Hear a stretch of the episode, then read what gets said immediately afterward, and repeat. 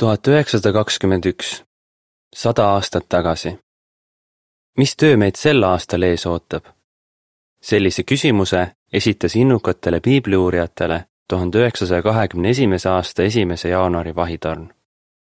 vastuseks tsiteeriti piibliteksti Jesaja kuuskümmend üks, üks ja kaks, mis tuletas meelde kohustust teha kuulutustööd.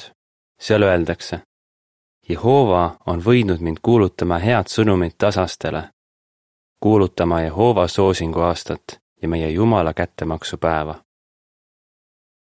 kartmatud kuulutajad selle töö tegemiseks oli piibli uurijatel vaja julgust. Neil polnud vaja kuulutada mitte ainult head sõnumit alandlikele, vaid ka kättemaksu Jumala kartmatutele. vend John Henry Hoskin kes elas Kanadas, tegi kartmatut kuulutustööd, hoolimata vastupanust. tuhande üheksasaja kahekümne esimese aasta kevadel kohtus ta ühe metodisti vaimulikuga. vend Hoskin ütles üsnagi vestluse alguses. me peaksime rääkima piibliteemadel rahumeelselt ja isegi kui oleme mõnes asjas eriarvamusel, saame sellega sõbralikult leppida. nii aga ei läinud. vend Hoskin meenutas olime vaid mõne minuti rääkinud, kui ta virutas uksele sellise hoobi, et ma kartsin, et ukse klaas läheb puruks. miks sa paganatele seda juttu ei räägi? karjus vaimulik. vend Hoskin hoidis keelt hammaste taga, kuid lahkudes mõtles endamisi. mulle tundub, et ma rääkisingi just ühe sellisega. kui see vaimulik pidas järgmisel päeval oma jutlust, halvustas ta vend Hoskinit vend Hoskin meenutas. ta hoiatas oma kogudust minu eest ja ütles, et ma olen suurim petis, kes nende linna kunagi on sattunud ja et mind tuleks maha lasta. meie venda ei kõigutanud see aga üldse. ta jätkas kuulutustööd ja sellel olid head tulemused. vend Hoskin ütles, mul pole kuulutustööl kunagi nii tore olnud mõned inimesed teatasid, et ma olen õige jumala mees ja nad aitasid mind igati. piibli uurimine iseseisvalt ja perega. et aidata huvilistel edeneda, avaldati kuldses ajas piibli uurimiskavasid. allmärkuses öeldakse.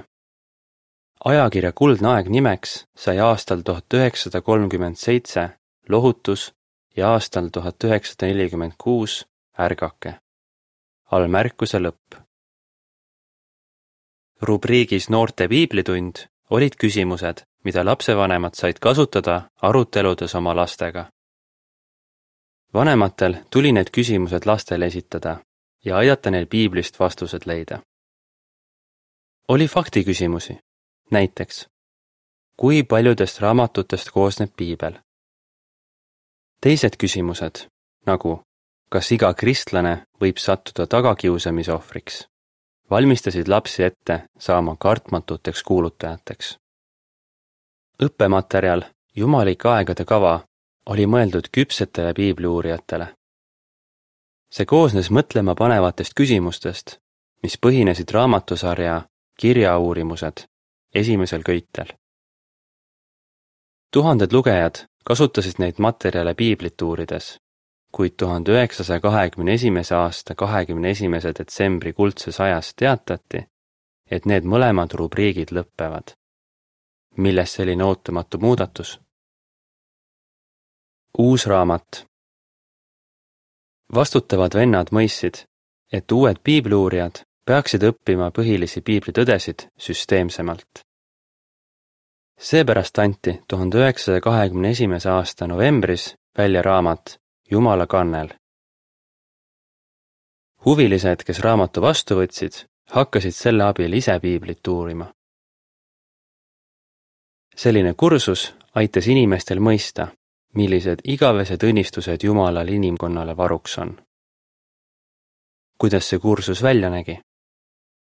kui inimene võttis raamatu vastu, anti talle kaardikesel kaasa ka lugemisülesanne järgmisel nädalal sai ta uue kaardi, kus olid küsimused selle lugemisosa kohta ja uus lugemisosa tulevaseks nädalaks iga nädal sai huviline posti teel kohalikult koguduselt uue kaardikese. nii kestis see kaksteist nädalat. tihtipeale saatsid neid kaarte eakamad kristlased või need, kelle liikumisvõimalused olid piiratud. näiteks õde Anna Gardner Pennsylvania osariigist meenutas. Kui Jumala kannel välja tuli, andis see minu puudega õele Taylile rohkesti tegevust, sest ta saatis iga nädal huvilistele küsimuste kaarte. pärast selle kursuse lõppu külastati huvilist ja pakuti talle võimalust piiblit edasi uurida. veel rohkem tööd on ees. aasta lõpus saatis vend Rutherford kõigile kogudustele kirja. Ta märkis, et sel aastal on antud kuningriigi kohta rohkem tunnistust kui kunagi varem sel lõikusajal vend Rutherford lisas. palju tööd on veel ootamas. innustagem siis teisigi liituma selle õnnistatud tööga. on ilmselge, et piibliuurijad võtsid seda üleskutset kuulda. aastal tuhat üheksasada kakskümmend kaks kuulutasid nad Jumala kuningriiki kartmatumalt ja laialdasemalt kui kunagi varem. järgneb lisa. kartmatud sõbrad piibliuurijate vahel valitses vennalik armastus ja nad aitasid üksteist. Nad olid üksteisele sõbrad, kellele hädas võis loota. kolmekümne esimesel mail aastal tuhat üheksasada kakskümmend üks pandi Oklahoma osariigis Tulsa linnas vangi üks mustanahaline mees. teda süüdistati valge naise ründamises. umbes tuhat valgenahalist meest tungis seepeale kallale mustanahalistele meestele, keda oli vähem. rahutused levisid kiiresti Greenwoodi nimelises piirkonnas, mis oli peamiselt mustanahaliste elupaik.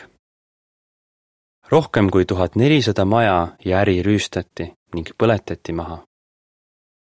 Ametlike andmete järgi sai surma kolmkümmend kuus inimest, kuid arvatakse, et tegelikult oli hukkunuid sadu. seda sündmust hakati nimetama Tulsa veresaunaks.